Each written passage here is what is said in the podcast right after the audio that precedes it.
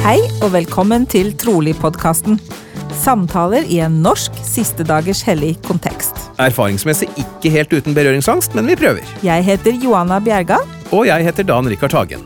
Her i Trolig-podkasten snakker vi med hverandre og med gjestene våre om deres trosreiser og tvilsreiser og andre temaer vi er opptatt av. Målet vårt med denne podkasten er å skape et rom med takhøyde og plass til alle. Fordi alles historie fortjener å bli hørt, og fordi vi mener at det er mer enn én måte å være en siste dagers hellig på. Vi minner om at det som deles her er våre og våre gjesters personlige erfaringer og meninger. Og at podkasten ikke er i regi av Jesu Kristi kirke av Siste dagers hellige. Men for ordens skyld, både Dan Rikard og jeg er aktive troende medlemmer av kirken, og podkasten vil reflektere det. Da kjører vi ny episode.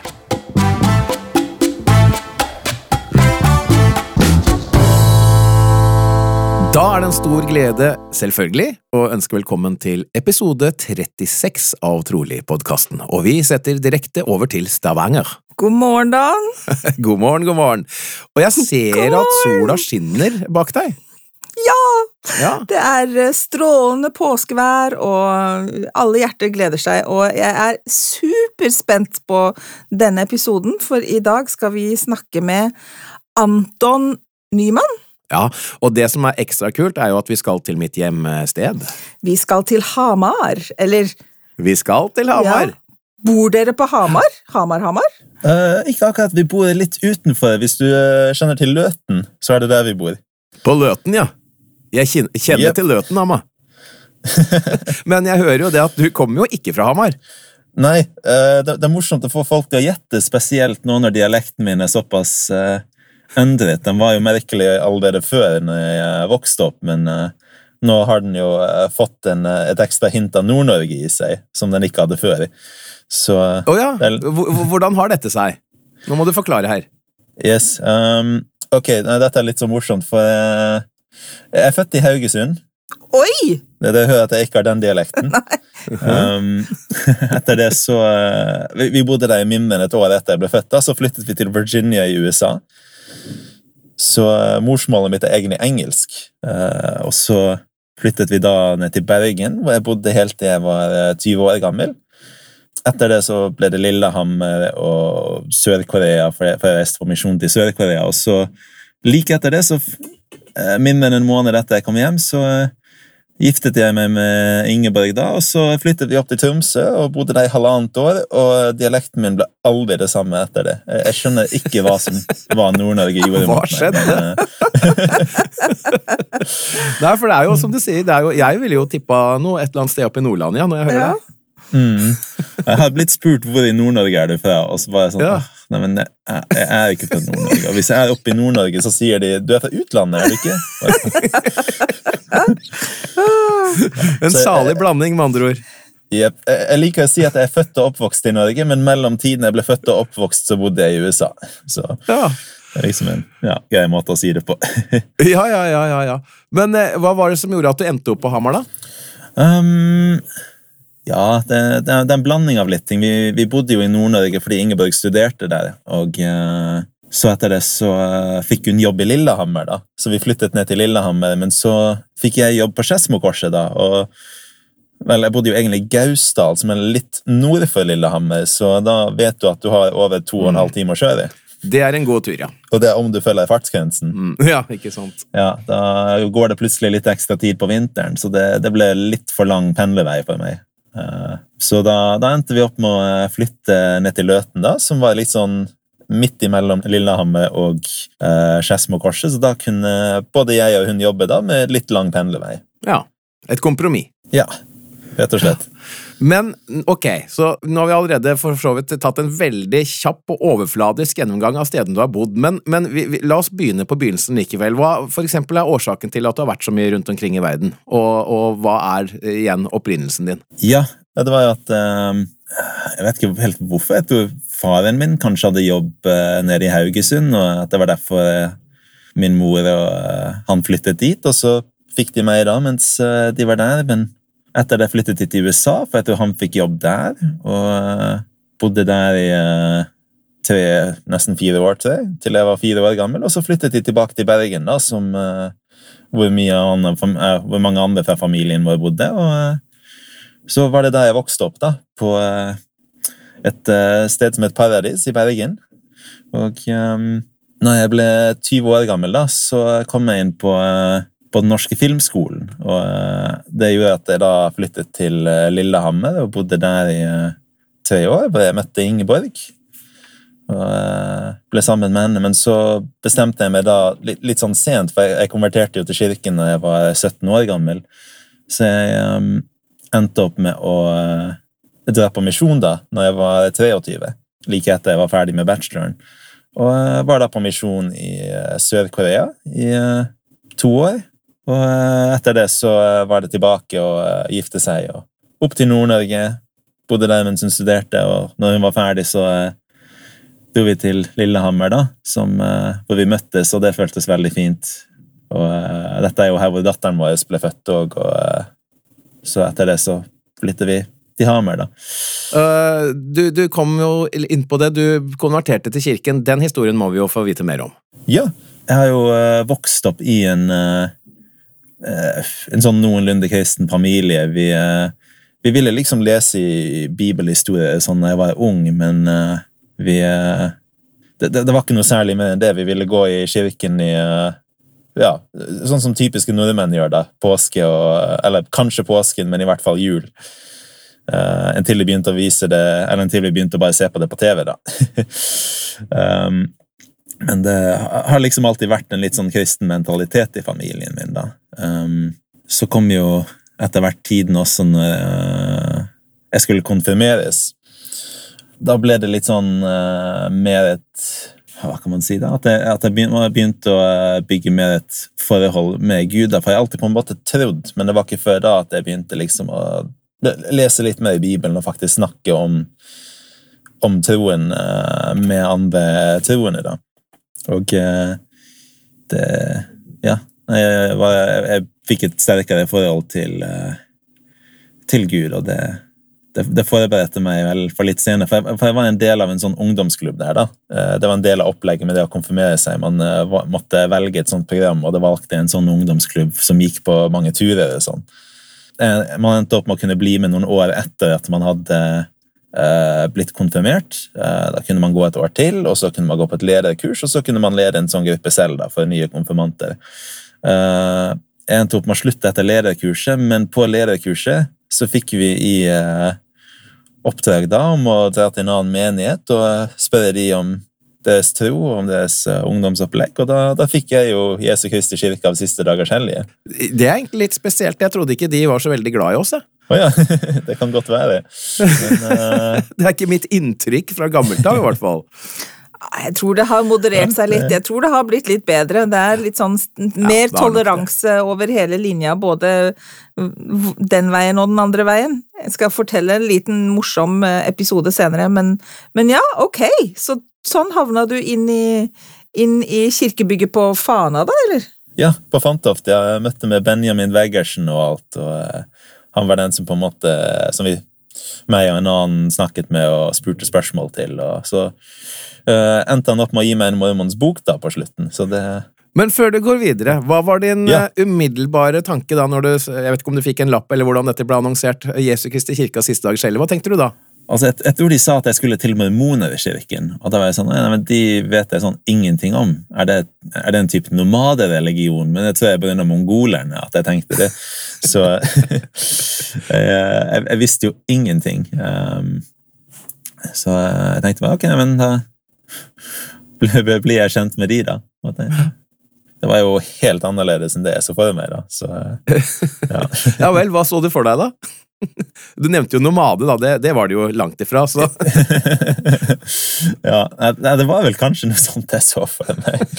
Litt sånn går i skjortler eller et eller annet ja. sånt. Etter jeg leste et sted også at de Ja, da jeg leste et sted også at, det, ja, at vi, vi tror vi er Kristus sin originale kirke. Det, det tror vi jo, men det, la liksom litt ekstra på dette her med skjortler. da, så det var litt sånn det jeg så for meg. at... Sandaler. Ja. ok, og så, så, kom du da, som du sier, eh, på besøk og møtte Benjamin Weggersen, fikk en mormons bok, og hva skjedde da? Uh, ingenting. I sånn uh, åtte måneder så uh, lå den bare i en skuff. Og så eh, For dette var bare ett besøk, eller? Det var bare ett besøk, og så eh, Ja. var det ikke noe, eh, ikke noe mer etter det. Mm. Og så eh, er jeg på en stund, da. Og så etter det så var jeg tilfeldigvis gående på en av gatene i Bergen sentrum, og så stoppet to eh, unge menn meg med navneskilt på.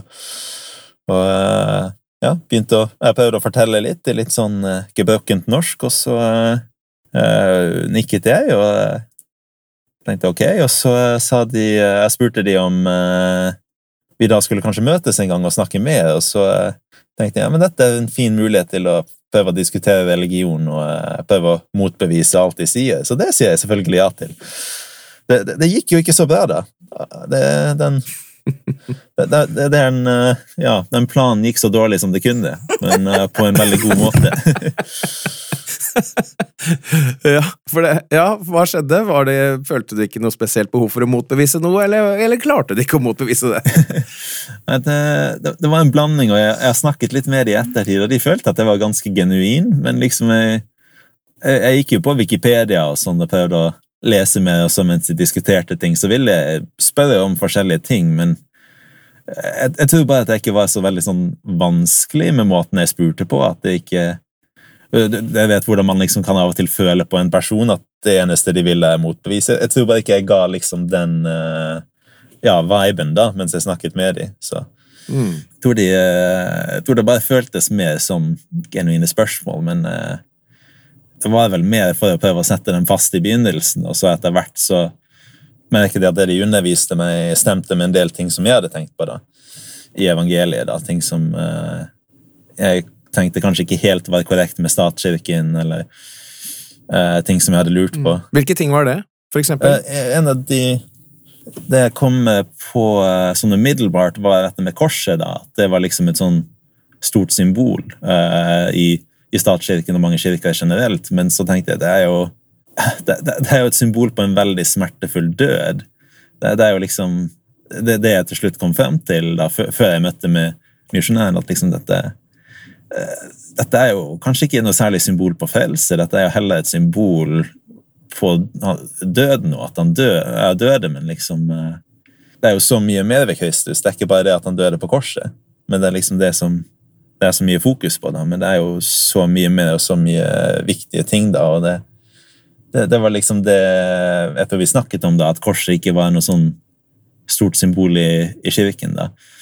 Vi har mer fokus på det at han, han gjenoppsto, at han eh, Ja, at han eh, frelser oss og eh, Jeg holdt på å si gjennom det, men at han eh, ja, gir oss mulighet til å komme tilbake til han, at det er mer et fokus på det å, å leve enn bare det at han døde, liksom, at det var det alt. Det er interessant du sier det, for det er jo litt sånn diskusjon om det internt i kirken nå. Ja. Hvor man liksom er litt sånn Skal man ikke kanskje hente tilbake korset som symbol? Eller um, Og hvordan skjedde det? At korset forsvant fordi eh, fra oss som symbol, og det var jo litt gradvis, og det hadde jo faktisk, viser det seg, mer å gjøre med at vi ønsket å distansere oss fra katolikkene i sin tid. Mm. Og så har vi på en måte lagd vår egen jeg håper å si nesten teologi rundt hvorfor korset ikke skulle være så viktig for oss, og nå er det litt sånn Gjør det noe? Liksom, kan vi ikke få lov til å bruke korset Jeg tror det er en litt sånn eh, At det er litt sånn brytningsting. Jeg, jeg kjøpte helt den der, jeg, som, eh, som ung. At eh, nei, vi feirer den levende Kristus, og vi, vi, vi vil bruke den levende Kristus som symbol, og ikke korset. Men eh, samtidig nå så er jeg litt mer på den at eh, hvis hele resten av verden ser på korset som et symbol på, på kristendom, og på at man ønsker å følge Jesus, så kan jeg godt også bruke et kors for å vise at jeg følger Kristus. Og det, at det trenger ikke å være bare en negativ ting som handler om, om, tortur og lidelse. Men interesting. Ja, andre ting. Jeg prøvd å tenke tilbake på det, men det er ikke sånn veldig sånn spesifikt Jeg har ikke noe veldig spesifikt, i hvert fall, men jeg, jeg husker at når de fortalte meg frelsesplanen, at jeg følte det var mye der som, som ga mening. Men jeg husker bare ikke spesifikt hva det var. men eh, jeg vet ikke, det, var bare et eller annet når de underviste frelsesplanen, at det bare sånn, ja, men dette, dette gir jo veldig mening. Ja. Jeg tror ikke du er alene om det. Og vi er jo helt enige. Ja, vi er helt enige med deg. Frelsesplanen gir mening. gir mening. Ja. Men så gikk, gikk det ganske fort? Brukte du lang tid på denne prosessen, eller var det sånn tre uker og slam dank? Slam dank? Slam dank, heter det. Ja. Vel, bare for å si noe igjen på frelsesplanen, da, som jeg føler liksom er så uh, viktig med den før jeg går videre. Um, det er jo liksom en av de tingene som den, uh, den gjør, da, eller måten, måten den er satt opp på, er liksom det at når vi skal dømmes til uh, Ja, dømmes i hermetegn, da, av Kristus, altså så er det ikke liksom i forhold til hvor eh, dårlig eller bra vi har gjort i livet vårt, men det er i forhold til hvor vi vil være lykkeligst. Og det, det var den eh, dynamikken som kom av at det da er liksom tre forskjellige eh, Ja, vel fire om man teller med det siste, da, men tre forskjellige steder hvor man mest sannsynlig kommer til å ende opp at det er mer avhengig av vår lykke enn liksom bare hvor flinke vi har vært, hvor mange himmelske poeng vi har samlet. For å si det sånn. Ja, det, det, ja, jeg er helt enig med deg. Det resonnerer liksom mye mer med en, eh, med en kjærlig himmelsk fader, på en måte, enn at han er så veldig opptatt av at han skal dømme oss og straffe oss for mm. det ene og det andre. Og jeg tenker at ingenting i livet er svart-hvitt. Det ville vært veldig rart hvis himmel og helvete var en greie. Hvor jeg husker som barn, når jeg fremdeles ikke hadde helt skjønt dette med frelsesplanen og sånn, så var jeg veldig på liksom, ja, men hvor går grensen? Når har jeg vært slem nok? Eller når har jeg vært snill nok? Det er en veldig stor lettelse, faktisk, også kunne se helt vekk ifra det aspektet, da. Liksom, det er ikke sånn. Det er ikke himmel eller helvete. Det er grader av herlighet og godhet. Det gir i hvert fall mye mer mening for meg. Mm, jeg er helt enig. Så hvor lang tid tok det da, egentlig? Jeg vet ikke, jeg tenkte at det tok lang tid, men det, det stemmer jo ikke helt da jeg funnet ut i ettertid. Det, det tok meg bare tre måneder. Uh, Og så uh, Ja, jeg tror det etter rundt to, to og en halv måned kom uh, jeg spurte om jeg skulle Jeg ja, prøvde å forplikte meg til en då- dåpsdato, da, og det traff meg litt som en hammer, for det var liksom absolutt ikke det jeg hadde intensjon om å gjøre. Jeg skulle- jo bare møte og diskutere, liksom, og nå, nå skal jeg bli medlem, men liksom det var, det var vi, Jeg hadde på en måte følt nok til at det var sånn at jeg ikke direkte sa nei, men at jeg, jeg faktisk vurderte det litt. Det er veldig spennende, da. For, det, for, for du sier jo egentlig at det var egentlig ikke noe du hadde tenkt på på det tidspunktet. Mm, det stemmer. Og så kommer bare det spørsmålet, og så er det et eller annet som gjør at det liksom Det blir ikke en, en definitivt nei eller en fjern ting likevel. Ja, nei, det, det var et eller annet som hadde skiftet i løpet av tiden jeg ble undervist. Så eh, det var spesielt. Og det, um, og det som De merket jo når de eh, kom med invitasjonen til å bli, døpt, at jeg, eh, jeg ble fort litt nervøs. Og eh, han ene det, Kanskje dere møtte han, kanskje ikke. Han Mark Johnson, som var en seniormisjonær som tjente i, i Bergen den tiden jeg ble døpt, i sånn 2011. Eh, han var veldig grei. Jeg, jeg tror han bare la en hånd på skulderen min og sa sånn Ok, det, det er ikke skrevet i stein. Om du ombestemmer deg eller ikke føler deg klar, så, så utsetter vi det bare. Det, det går fint.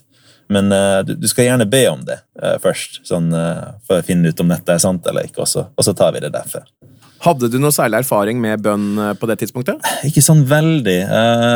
altså Opp til det punktet så hadde jeg bedt av og til når ting ble vanskelig, eller når jeg følte at jeg trengte litt ekstra hjelp. Mm. Så hadde jeg bedt, men ikke så veldig mye, da. Så det, det var litt sånn spesielt. Så det konseptet å få svar på bønn, det var for så vidt nytt for deg?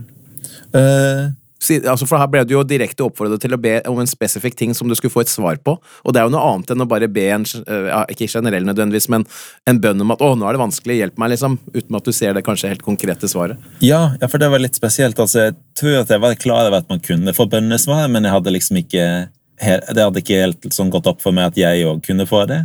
Eh, Så det var jo veldig spesielt da når jeg skulle, skulle be den gangen. Og da jeg vet ikke, Det var bare veldig spesielt. for Jeg fikk en, jeg spurte sånn, er det, er det viktig at jeg skal bli med i denne kirken. og Det er første gang jeg fikk et sånn ordentlig bønnesvar, hvor det var en veldig varm følelse og en veldig sånn sterk følelse ellers om at dette var den viktige veien å gå. og da jeg, jeg, jeg nølte jo fortsatt, men jeg liksom kom frem til at sånn, ok, hvis, nå, nå har jeg jo fått et bønnesvar om at dette er rett vei å gå, så gjør jeg noe annet ville vært feil.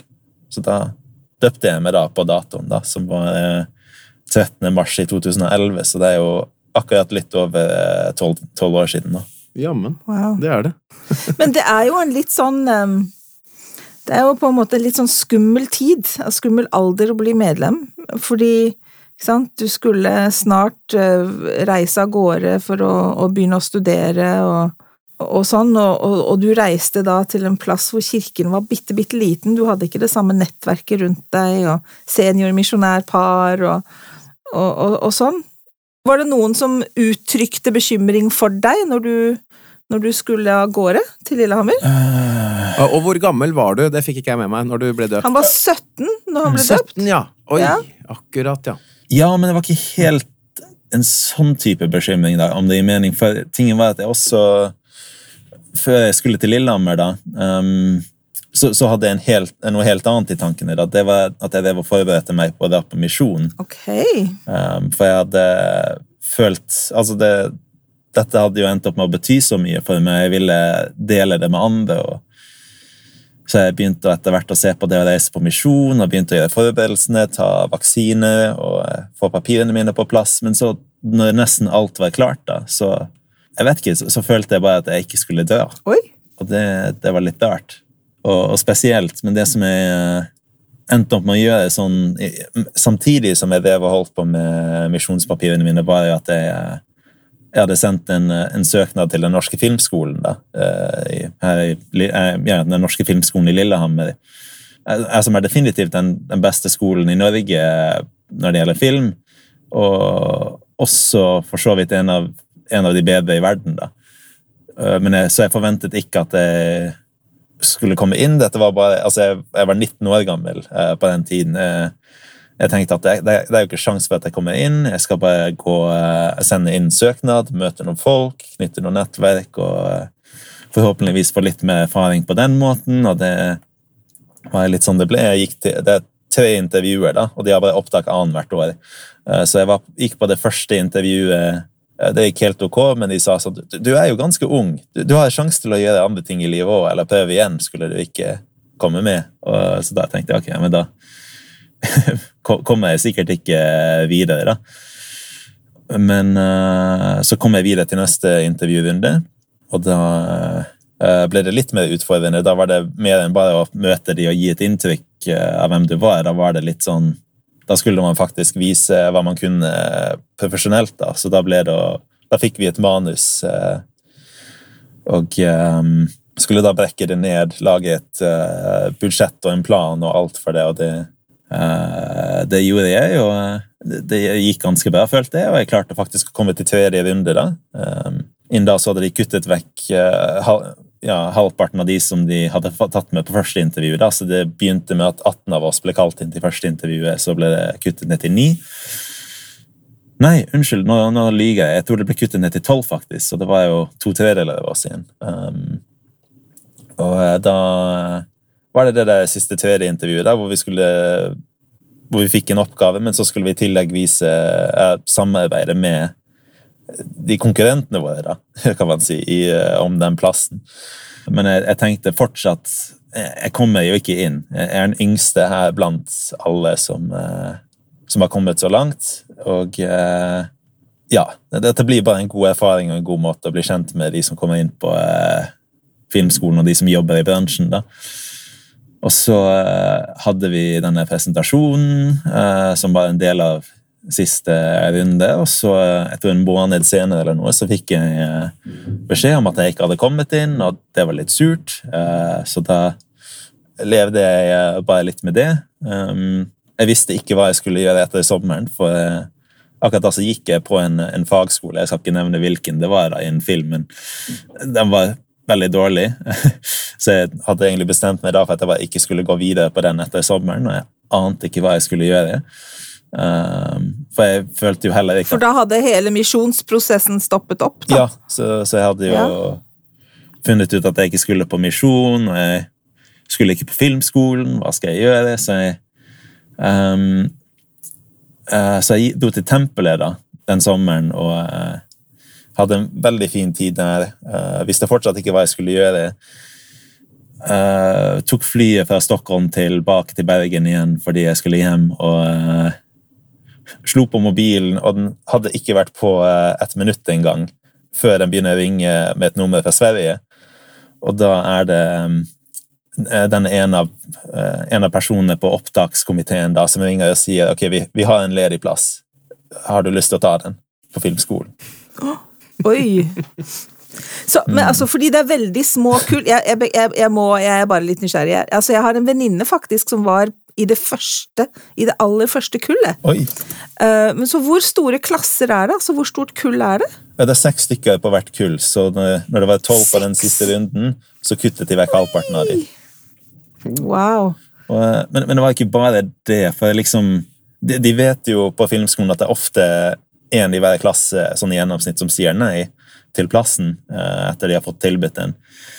Så de sier alltid til personen som på en måte er på, på syvendeplass, da, at uh, vil du stå på type venteliste i tilfelle noen sier nei? Men jeg fikk aldri en sånn beskjed, for jeg var på åttendeplass. Så det er to stykker som oh. sa nei for at jeg skulle komme inn. Og, uh, mm. så, ja, og det at det skjedde like etter at jeg hadde vært i tempelet, altså det, det, er liksom, det er ikke tilfeldig. Det, ja, det, det, var en stor velsignelse, det der. Kan jeg få spørre deg, når var det du egentlig fant ut at, eh, at, du ville den veien? Altså, det er jo ikke akkurat det, det mest opplagte yrkesvalget i verden, og i hvert fall ikke i Norge. Det er sant, det. Men jeg, tror det begynte allerede da jeg var sånn syv år gammel. Eh, jeg fant ut at jeg, var veldig inni, jeg likte veldig godt Lego. Og når jeg var syv år gammel, så kom Lego ut med eh, noe som heter Lego Studios, som var liksom filmgreier hvor man kunne lage sine egne stop motion-animasjoner. Og eh, det var liksom da jeg for første gang oppdaget at oi, man kan jo faktisk jobbe med å lage film.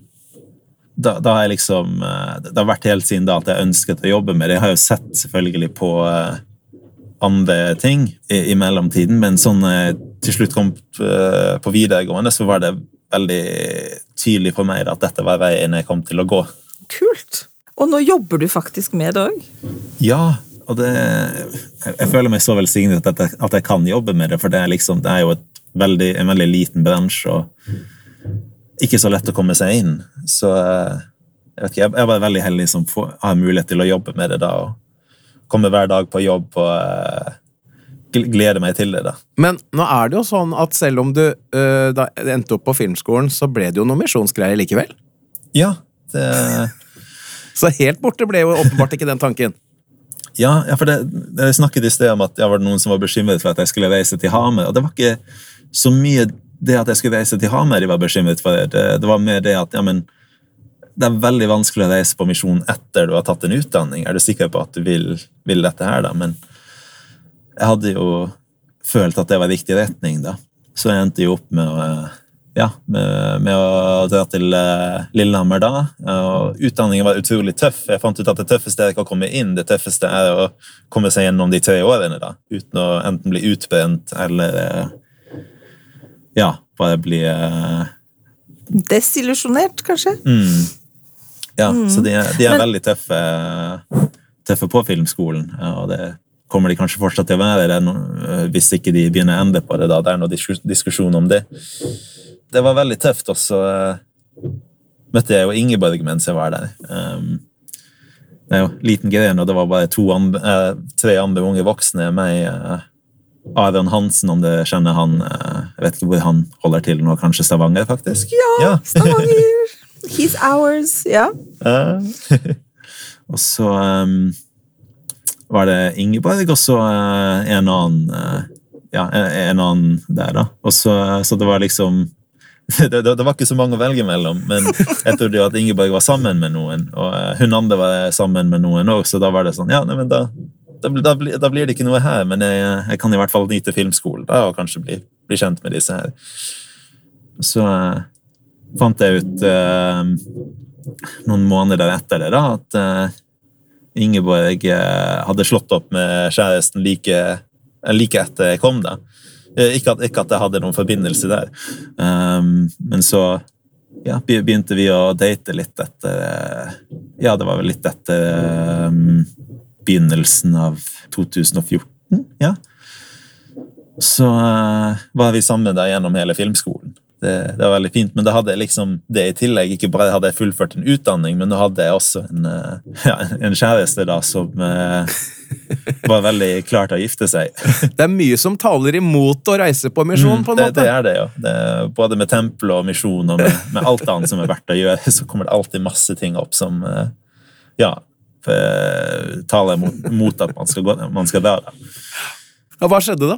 Vel, jeg endte opp med å eh, sende inn uh, papirene. Jeg hadde jo snakket med Ingeborg om det, og hun, hun visste jo om det i, uh, helt siden vi ble sammen, at dette var uh, a part of the package, da, at jeg, jeg skulle på misjon. og ja, jeg, jeg tror hun visste det til og med før vi ble sammen, at det var det jeg hadde tenkt. Ok, Så, så du var ganske klar på det på det tidspunktet der? Ja, så jeg um, begynte med forberedelsene på siste året av filmskolen. og til misjon, da, og eh, endte opp med å eh, få, få kallet mitt da, mens vi var på sommerferie. og det, det, det, var morsomt, for Ingeborg ville at jeg skulle åpne det med henne, men hun hadde reist til eh, Finland, og så skulle jeg reise dit litt senere. da.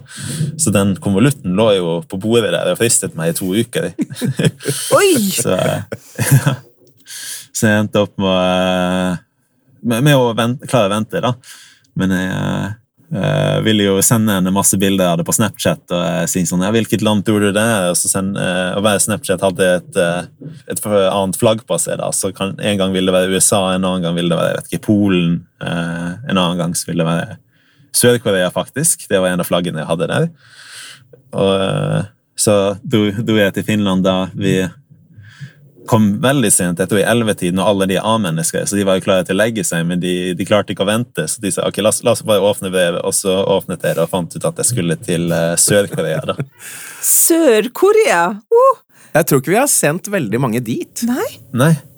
Nei. Det, det, er ikke mange jeg, jeg, jeg vet ikke, jeg, Og de jeg møtte også i Sør-Korea, visste heller ikke om det var noen fra, fra Norge som hadde vært der. Nei. Så det, det, det var interessant.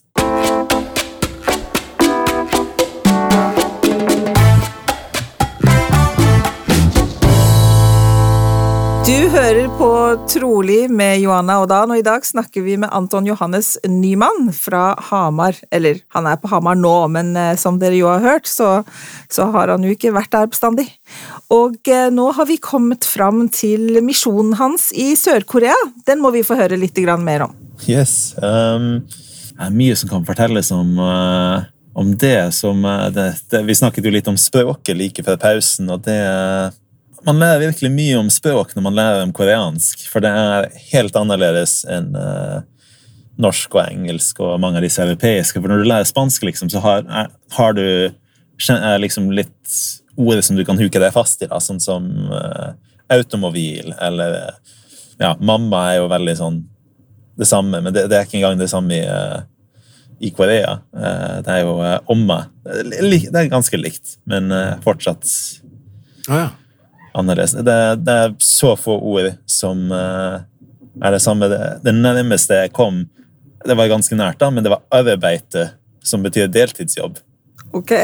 Og det kommer fra tysk, det har de tatt fra tysk, så det var litt interessant.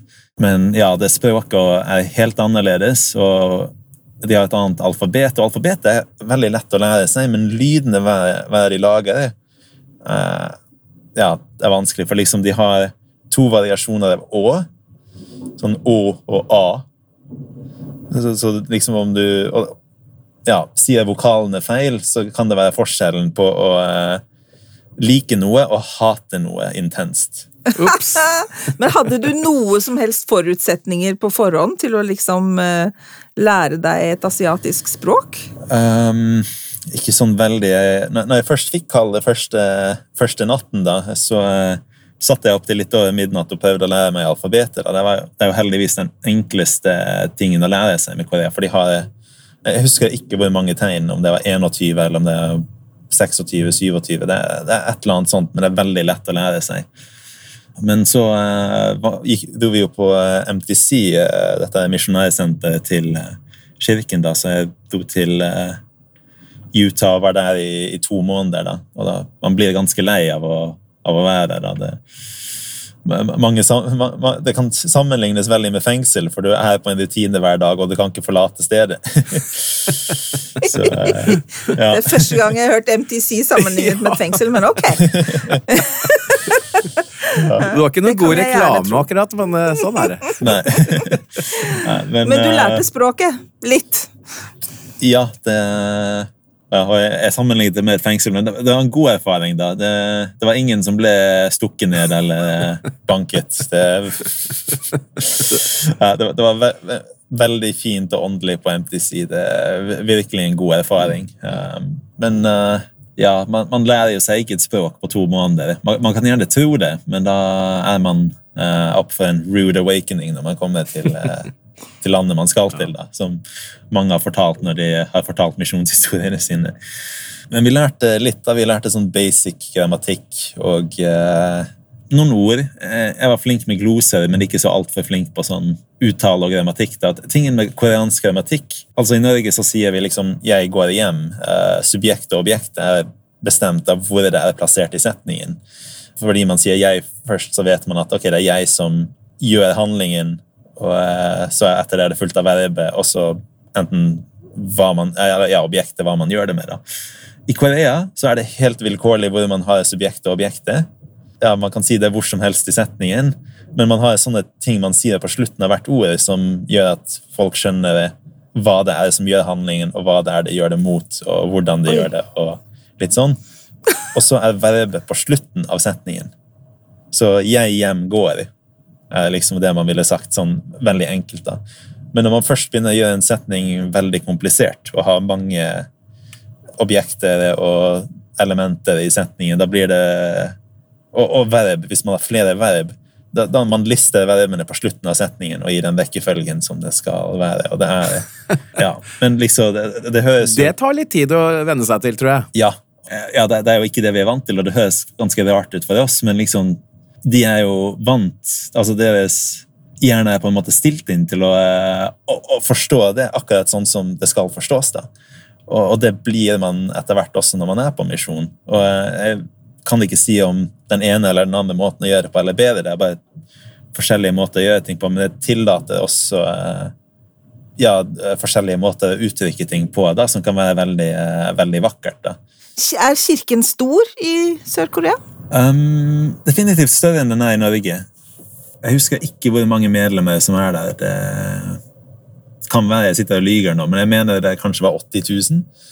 Så det er jo en del både menigheter og grener der. og uh, små, små grener, sånn som, uh, som er rundt samme størrelse som Hamer, og så er det større menigheter som er jeg ville sagt, en god del større enn Romerike, da, hvor du har bygninger som er typ fire etasjer. Men hvordan, hvordan tar det koreanske folket imot evangeliet? Eh, det er, vel, det er vel hinduisme og buddhisme kanskje som det er mest av der, eller? Eh, buddhisme, i hvert fall. Um, og overraskende nok så er kristendom veldig stort i Korea. Uh, det har vel litt å gjøre med kultureksporten til USA og Koreakrigen. da. At det gjorde at um, kristendommen ble en uh, stor ting i, uh, i Sør-Korea. Så, så, det er mange som er kristne der, men ja. de, de, liker også veldig godt å bible-bæsje. Så du fikk mye erfaring med så, det, du, da? ja. ja. Diskutere hva som er rett og mm. galt, mer sånn helt sånn på versnivå, liksom? Ja, så å si. Det, det ble heldigvis ikke så mye sånn. Det var én vi hadde som var, var veldig sånn, men, men, det var litt sånn overraskende også, for hun hun hadde bare Bibelen, da, og hun kjente den mye bedre enn en vi gjorde. da. Men det, det, var så overraskende, for liksom i en leksjon så kunne hun ut fra det hun hadde lest i Bibelen, nesten, ja, uten at vi hadde undervist det til henne, da, fortelle oss store deler av frelsesplanen. Og da var vi sånn Oi! Forsto hun det bare ut fra Bibelen, liksom? Hm. Disse tingene. Men eh, hun, hun, kjente den så utrolig godt. Eh, vi kunne nevne et vers, og hun ville vite liksom hvilken det var. da.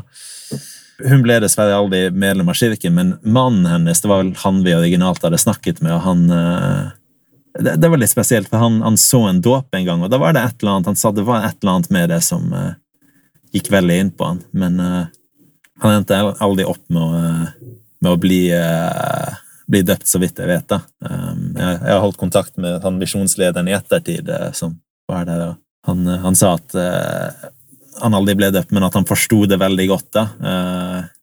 Det, det, er et eller annet med kulturen der som jeg ikke forstår, som gjør at det var veldig forståelig for det medlemmet, da, hvorfor han ikke ble medlem, men mm. ja. Men hvis du skal trekke frem noen sånne hva skal jeg si, sånne opplevelser fra misjonen som virkelig gjorde inntrykk. Har du noen sånne? Ja, det, var, det er en som jeg veldig sånn fort alltid, alltid tenker på, men jeg skal prøve å komme med noen andre også først. Jeg tror en ting som jeg syns var spesielt da, mens jeg var på misjon En er jo dette her med, med lydighet. da. Vi, vi, vet jo at det kommer en del velsignelser før dette her med å være lydig. På misjon så hadde jeg en, en ledsager da, som Eh, ikke var særlig lydig mot misjonsreglene. Vi har jo disse reglene uh, for ja, når vi skal stå opp, hva vi skal gjøre i løpet av en dag. og uh, typ Stå opp halv syv, tren, uh, spise frokost, studere skriftene. Og han ville ofte sove lenger enn han skulle, og når vi skulle studere skriftene, så ville han bare også sove da òg. jeg tjente med han i to transfers, da, altså tolv uker. og Eh, så skulle han hjem igjen etter det. da. Um, og det var uh, kanskje den kjedeligste tiden av misjonen min, da, for det eneste vi gjorde, var å spasere rundt. Vi hadde ingen vi underviste. Uh, det var sånn at Akkurat når han kom, så ble det veldig dødt. Akkurat når han dro, så sprengte det igjen. Da ble det plutselig veldig mye å gjøre, for da uh, fikk jeg en helt ny ledsager, helt fersk misjonær, og plutselig var jeg en av disse um, vennene våre da, som vi hadde undervist han, hadde hatt alle leksjoner flere ganger og på en måte tenkt på det at han skulle bli medlem uh, i flere år, men ikke på en måte tatt steg til å bli døpt. da. Plutselig var han villig til å gjøre det, da, og det ble liksom et litt sånn ekstra vitnesbyrd på at um, det virkelig har velsignelse å være lydig, selv om man kanskje ikke alltid forstår hvorfor eller føler for det, at det, det ligger en del velsignelser der. Da. Og en annen historie, da. Det var det, det var en som vi underviste han var en litt eldre mann da, og til kulturen i Korea, og det er veldig fint også, er jo det at de, de, virkelig tar vare på sine eldre, og de respekterer dem veldig mye. Det kan dessverre ha den effekten at de eldre kanskje ikke respekterer de yngre noe særlig. da. Jeg har f.eks. sett en, eh, en, mann som kjører midt i veien med rullestolbilen sin. da. Eh, så, så de tar seg godt til rette, men de blir liksom respektert uansett. og Det er en veldig fin sånn verdi. Men dessverre så var han vi underviste her, sånn ja, at han ikke helt likte å høre så mye på unge mennesker. da. Og det er jo så å si bare unge misjonærer som mm. kunne undervise han. Så vi måtte alltid ha et uh, eldre medlem med oss, da. For da ville han høre på dette medlemmet og uh, være på en måte villig til å ta imot det. da. Så vi, vi var jo avhengig av andre medlemmer for at han skulle uh, bli undervist, og plutselig så han var også en av disse som i lang tid hadde hørt på leksjonene, men ikke blitt døpt. da. Så, så plutselig en dag så uh, møtte var det tilfeldigvis en gammel venn av han da, som han ikke visste var medlem, som besøkte kirken og uh, inviterte han til å bli døpt. Og han sa vet du hva, ja, jeg, jeg kommer til å gjøre det. Og uh, da ble det plutselig sånn press på å få han undervist, da, sånn at han kunne bli døpt av dette medlemmet da måtte vi jo ha medlemmer med oss, da, sånn at han ville på en måte, sånn at vi var sikre på at han fikk med seg det som vi underviste, og var sånn genuint ja, på en måte omvendt. At han er genuint konvertert, da, sånn at det ikke bare blir en sånn eh, Ja, nå har vi døpt deg, ha det bra, liksom. og da var det en gang eh, hvor eh, vi hadde invitert misjonslederen vår i Grenen da, for å være med på en leksjon. Og eh, etter en time før leksjonen så sendte plutselig grenspresidenten da en, en, melding til oss og spurte ja, når er leksjonen. Og så sa jeg det, da. Og så sa han ok. Og så sa han ikke noe mer. Det er også en ting med koreansk kultur som jeg bare ikke forstår hvordan de får det til. De har en sånn veldig sånn antagelseskultur. Så ut fra det så skulle jeg forstått at han kom til å komme. Eh, det kunne jeg på en måte halvveis bare gjettet meg til, men de, de har sånn, det er så mye som de ikke sier, men som bare blir forstått. Og det funker så utrolig bra. Jeg skjønner ikke hvordan de får det til, men eh, wow. ja. Eh, grenspresidenten kom, eh, i tid til leksjonen og hjalp oss med å undervise. Misjonslederen kom aldri, så jeg tenkte ok, da misjonslederen bare avtalt med grenspresidenten om at, om at han skulle komme og hjelpe oss på leksjonen. Og så gikk leksjonen veldig bra. Og han følte seg klar til å døpes og alt. Han følte at han visste nok og følte seg veldig klar. Det var veldig fint. Ja, Og så kom jeg hjem eh, til leiligheten vår den eh, kvelden, og eh, da ringte misjonslederen til oss og beklaget så mye for at han ikke kunne være der. Og jeg sa ja, men det, det går fint. Du, du, du sendte jo eh, grenspresidenten, så da gikk alt fint. Og han sa jeg hadde, ikke, jeg, hadde, jeg hadde ikke sendt noen. Og det var sånn Oi, forsto jeg det riktig? Eh, og så spurte han igjen ja, ja, men eh, du sendte jo grenspresidenten, Det satte vi veldig pris på. Han sa eldste, jeg har ikke sendt noen. Og jeg tenkte ok, kanskje det fortsatt er noe jeg ikke eh, forstår. Så jeg gjentok meg enda en gang. da. Uh, og da sa han eldste, vet du hva jeg tror har skjedd? Jeg tror at Herren visste at jeg ikke kom til å kunne komme. Han visste at det var avhengig av å ha noen der, så han sendte grensepresidenten. Wow. Og det, det, var veldig spesielt, da. Herren uh, ønsket virkelig at han skulle, skulle, bli døpt, og at han skulle bli døpt av han som hadde invitert han til det. da. Og det endte opp med å, med å bli veldig spesielt, da, så det var liksom et lite mirakel som skjedde der, da. Wow. Ja, jeg ble, jeg ble litt satt ut, jeg nå, kjente jeg. Mm. Det, er, eh, det var en veldig rørende historie. Var det noe som var tungt og vanskelig på misjon, bortsett fra kompanjonger som var eh, på godt mormonsk trunky? Ja, altså man, jeg, jeg, tror man alltid ser tilbake på det som veldig positivt. Kanskje mer positivt enn det man var. Man glemmer jo gjerne liksom disse vanskelighetene man gikk gjennom. Jeg husker at jeg syntes språket var veldig vanskelig å lære seg. På slutten av misjonen så kunne jeg det sånn ok, men altså, jeg kunne fortsatt ikke se på Ikke at jeg så på K-drama mens jeg var på misjon, men liksom etterpå når jeg kom hjem, jeg kunne fortsatt ikke se på noe K-drama og forstå hva de sa uten undertekster. Men jeg kunne snakke med folk på gaten, da. Det kunne jeg jo. Um, men språket var bare så vanskelig. Og også pga. denne her antagelsesgreien som jeg nevnte, da, at det er så mye som ikke ble sagt, men som blir forstått. Det, det, gjorde at det var veldig vanskelig for meg, og spesielt også etter hvert så lærte jeg at ofte så avslutter de setningene deres uten verbet, og det gir liksom ikke mening, for du trenger jo vite hva det er det subjektet gjør mot det objektet, men det var bare en antakelse. Det er implisitt? Ja, det er implisitt. Ja. Og det var det jeg strevde med da. Åh, er oppskrift på feilkommunikasjon, spør du meg, men ok. Ja, men det funker så fint. men har det påvirket deg kommunikasjonsmåten din når du kom hjem? Har du blitt litt koreansk i måten din å kommunisere med andre på? Er du litt sånn som ikke sier alt fordi det er implisitt? Må Ingeborg eh, gjette seg hva du egentlig mener? Um, ja, men det er ikke pga. koreansken. Det er bare pga. jeg ikke er så flink til å kommunisere alltid. um, men uh, man, man...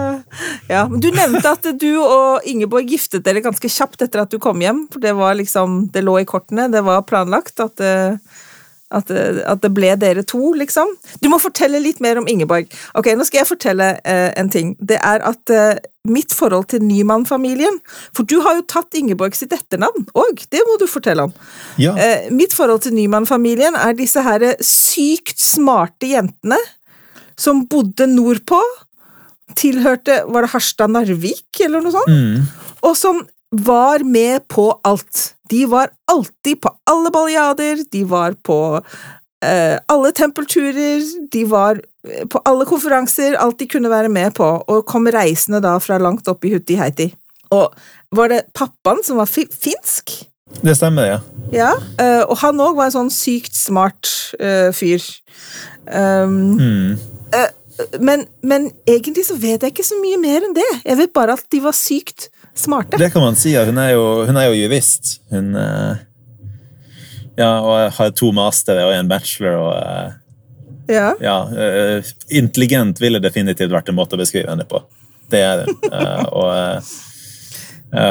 man kan nok bruke mange andre positive ord. Men, eller unnskyld, hva var det som var spørsmålet ditt?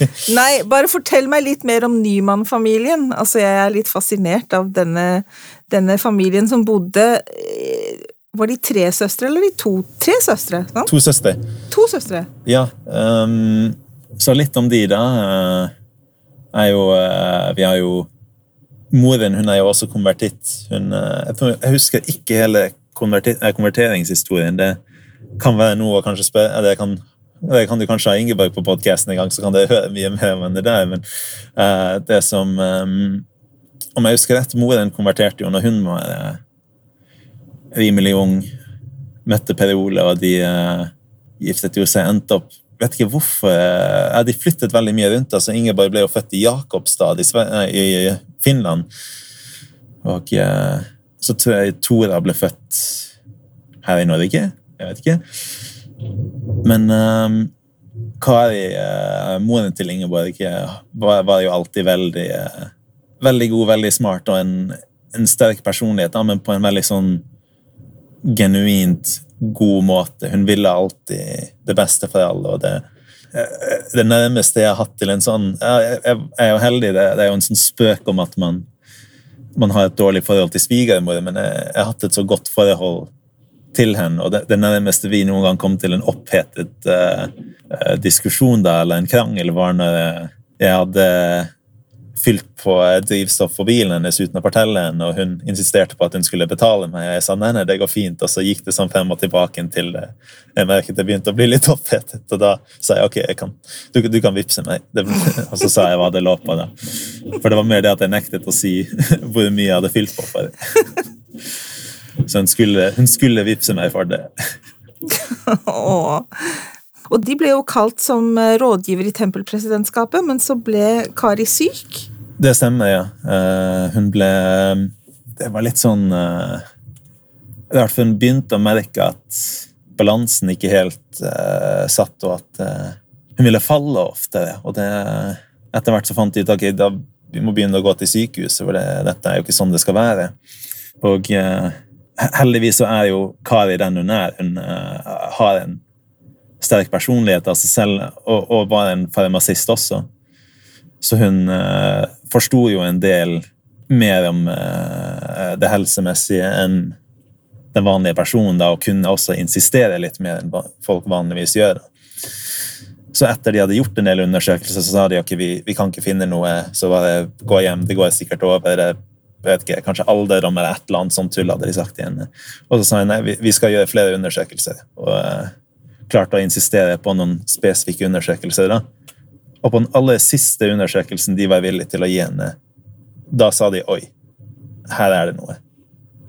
Og da, etter det så uh, gikk det noen dager til.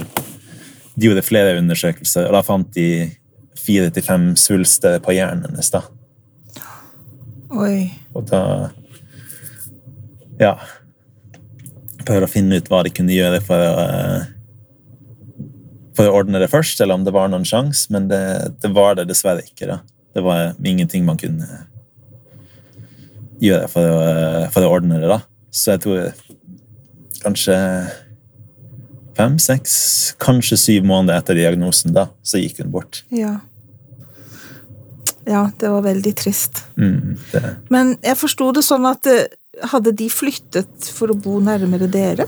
Ja, det, etter at de hadde vært, uh, vært, i Stockholm da, og fant ut at, av dette her, så flyttet de uh, Først bodde Per Ola hos oss en stund, da, mens uh, Kari var på helsehus og ble behandlet der. og så etter det så flyttet Per Ole til Løten, og så flyttet vi i en egen bolig ikke så altfor langt før han da. Og så og så flyttet de Kari til Løten, da, sånn at hun skulle være i nærheten av oss da når, når hun gikk bort. da. Så da var vi litt sånn heldige på den måten at vi endte opp med å ha Per Ole i nærheten av oss. da, Også være i nærheten av, ja, av det når det skjedde, da, så det ikke ville ta lang tid uh, for Ingeborg å komme seg bort når det først skulle skje. da. Ja. Har Per Ole blitt boende i nærheten av dere? Ja, han, ja. Han bor fortsatt her. Um, jeg tror han trives. og Det er også veldig deilig å bare ha han i nærheten, og da får han sett Ester en del, og han får fortsatt gått i Hamar Grønda. Og, eh, mm. og så fint. Ja. Jeg tror det er bra både for oss og for han at han, ja. Eh, han er i nærheten. da. Det, det, er viktig å ha familie i nærheten, spesielt både når man har, får barn, men også når noen går bort. da. Det er én ting vi ikke på noen som helst måte bør hoppe bukk over, syns jeg, Anton. Det er jo det at det er ikke så fryktelig lenge siden du fikk et nytt kall. Ja, det stemmer, ja. Ja, ikke, noe, Eh, ikke, noe- ikke noe småtteri heller, hvis man kan si det på den måten. Du er altså grenspresident du nå, og har tatt over etter en kar som har sittet der i vel i hvert fall rundt 20 år. Så sånn sett så kan, kan det sikkert ha vært greit for menigheten å få litt ny input også, uten å si noe som helst eh, galt om tidligere grenspresident. Men hvordan føltes det å få en sånn oppgave? Um, jeg følte meg nok sånn noenlunde klar for å ta en sånn oppgave. Altså det, med jobben min, det er jo veldig mye lederskap, det. Så det, det var ikke noe som på en måte skremte meg, men det kanskje skulle ha skremt meg. For jeg, eh, Hadde du skjønt hva det faktisk var, si? ja, eller liksom jeg skjønte, ja, ja, ja, jeg skjønte vel litt av det som gikk i kallet, men jeg tror jeg kanskje ikke helt forsto liksom, så mye av det menneskelige aspektet. da, Hvor mye av det som går på liksom mennesken og de som, vanskelighetene som de går igjennom, og det å støtte dem i det. og Det er liksom det som kanskje har vært mer det tøffe for meg enn det organisatoriske eller det lederskapsmessige. da, Det at folk kan være mennesker, og det at jeg også er det, og kanskje ikke har alltid de viktige meningene. og det, det har liksom gjort at jeg har fått mer hva, hva kan man si, blitt litt, litt, litt mer sånn at jeg forstår andre mye bedre, mye mindre dømmende, da, men også sånn Jeg var jo allerede sånn at jeg ikke tok mine egne meninger så seriøst at jeg ville insistere på dem alltid. Da skulle jeg være veldig sikker på dem.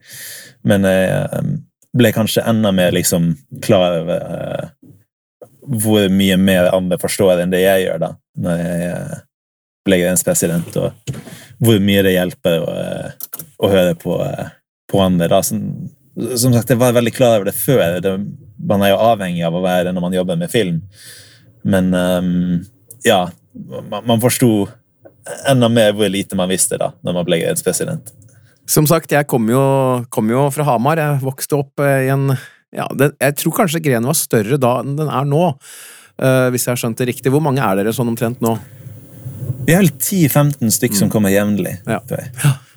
For i, i glansdagene da jeg var der, så var det jo betydelig mer enn det. Men, men det som eh, fascinerer meg litt, og det gjør det jo uansett hvor jeg er egentlig, men også med Hamar Gren, det er at eh, selv om flere av dem eh, har jo gått bort, både nylig og for så vidt, eh, men det de, det er mange av de samme som da jeg gikk der som eh, barn, som, eh, som er der fortsatt, og er trofaste to the bitter end. Og det syns jeg er det syns jeg er veldig mm, godt å se.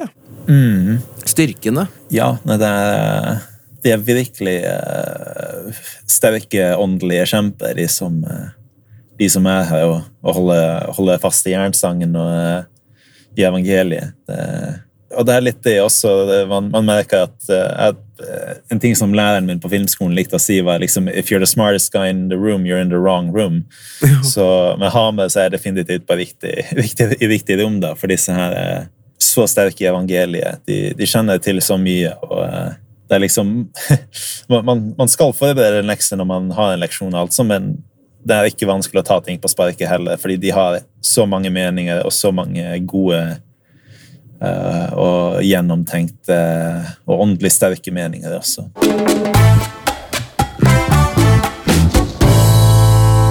Dette er Trolig-podkasten med Johanne og Dan, og i dag har vi også med oss grenspresident Anton Nyman. Rett skal jo tross alt være rett, da. og Anton, eh, da har vi kommet til våre faste poster, som vi alltid avslutter eh, episodene våre med, og første spørsmålet vi har lyst til å stille deg i den anledning er hvordan vil du definere tro? Jeg satt og tenkte litt på det da, siden dere sendte meg spørsmål. Jeg, jeg, jeg tenker jo altså sånn Definisjonsmessig så er, kan man jo si sånn som faith. Det er jo et håp for ting vi ikke ser, men som er sant. Og, og må jo være sentrert på Jesus Kristus for at vi skal åpne frelse ved det. Men sånn, det er jo en del mer med det også, tenker jeg. Det er jo Tro er jo også et handlingens prinsipp på den måten at selv om vi ikke forstår kanskje hvorfor vi gjør det vi gjør, så utfører vi handlingen, og så forstår vi kanskje i ettertid hvorfor, eh, hvorfor vi gjør det, da, eller hvorfor det er viktig.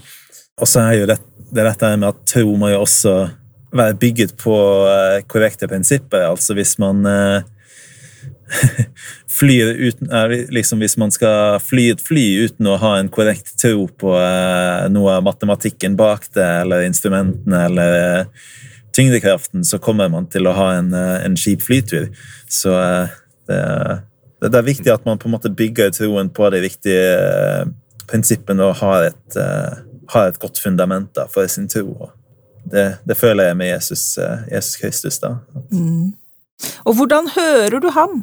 Hvordan hører du Herren i ditt liv? Um, vanligvis så tar jeg uh, Jeg føler at jeg hører han mest gjennom typ, uh, innflytelse fra Den hellige ånd, for eksempel. At man får en, en sterk følelse, eller uh, kanskje noen tanker som man kanskje ellers ikke ville hatt. At, og at det ofte skjer gjennom bønn og gjennom skriftene. Da, og, eh, og, i den rekkefølgen også. At, eh, for vi tror jo i Kirken på at vi får tilskyndelser og inntrykk på vi, på forskjellige valg og sånn vi, vi burde ta. og det, det er jo ikke et, et middel hvor jeg har noen sånn fullkommen bruksevne, da, om jeg kan si det, men jeg, jeg lærer mer og mer hvordan jeg skal høre om gjennom Den hellige ånd i mitt liv. Enten det er inntrykk som plutselig kommer, eller det eller, eller, så er det noe jeg føler eller tanker i mitt sinn mens jeg ber. Så det er jo, ja.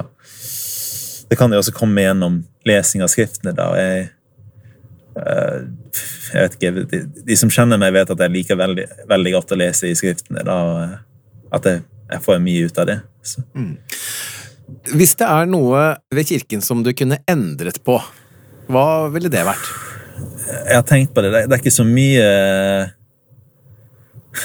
nødvendigvis for organisasjonen som jeg hadde endret med. Jeg tror det går mer på kulturen. Uh, nå vet jeg ikke om jeg kan si at vi er liksom Jeg tror ikke jeg kan si at vi er mer dømmende enn andre mennesker, men jeg skulle gjerne ønske at man kanskje kunne være litt mindre dømmende og mer forstående, da, for at uh, det er jo mye om andre sine situasjoner vi ikke kan forstå. Det er merket spesielt som grenspresident, da man, liksom, man lærer mye mer om folk og kanskje også litt hvorfor de har blitt sånn som de har blitt. da. For vi mennesker vi kan tenke veldig sånn svart-hvitt av og til. Heller enn at ting er motsigelser, da, så er de ofte heller kompliserte sannheter. og det føler, altså man, man kan virkelig gå seg vill med den holdningen også, men jeg, mm.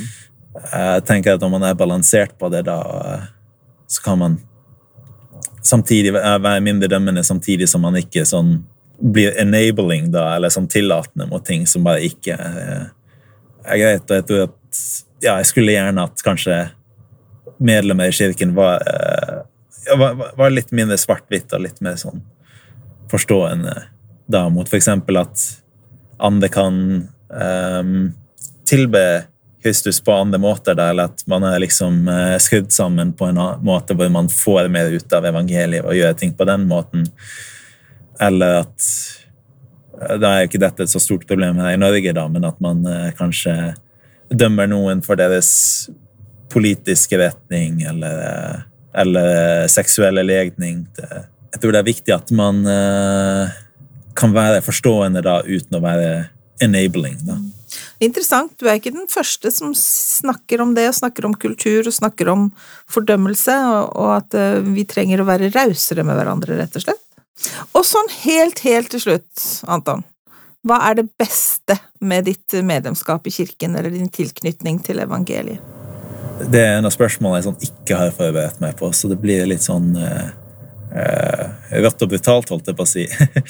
um, det Jeg vil nok si at det, det kanskje er det at uansett hva som skjer, så har jeg min tro og mitt vitnesbyrd. At jeg har på en måte noe som At selv om det er mye som kan gå gærent rundt meg, og mye som ikke kan, eh, er mye som ikke vil fungere, da, så vet jeg i hvert fall at um, jeg har evangeliet, og jeg har min tro, at jeg har hatt opplevelser i den forbindelsen som jeg bare ikke kan fornekte, og uh, som gjør at jeg vet at det er sant uansett. At jeg har den konstanten da, uh, som hele tiden enten bygger meg oppe og gjør meg sterkere, eller i hvert fall lindrer smerter når det er, når det er ille tider som jeg går gjennom. Da. Og eh, det er liksom denne her Dette er konstante oppbyggende elementet i mitt, eh, i mitt liv, og det, det, at jeg liksom kan være sikker på at, at jeg har en kjærlig himmelsk far og en uh, frelser som uh, vil det beste for meg, da, og at jeg kan se det i mitt liv og være takknemlig for det. det. Det er noe av det beste for meg ved evangeliet og mitt medlemskap i kirken.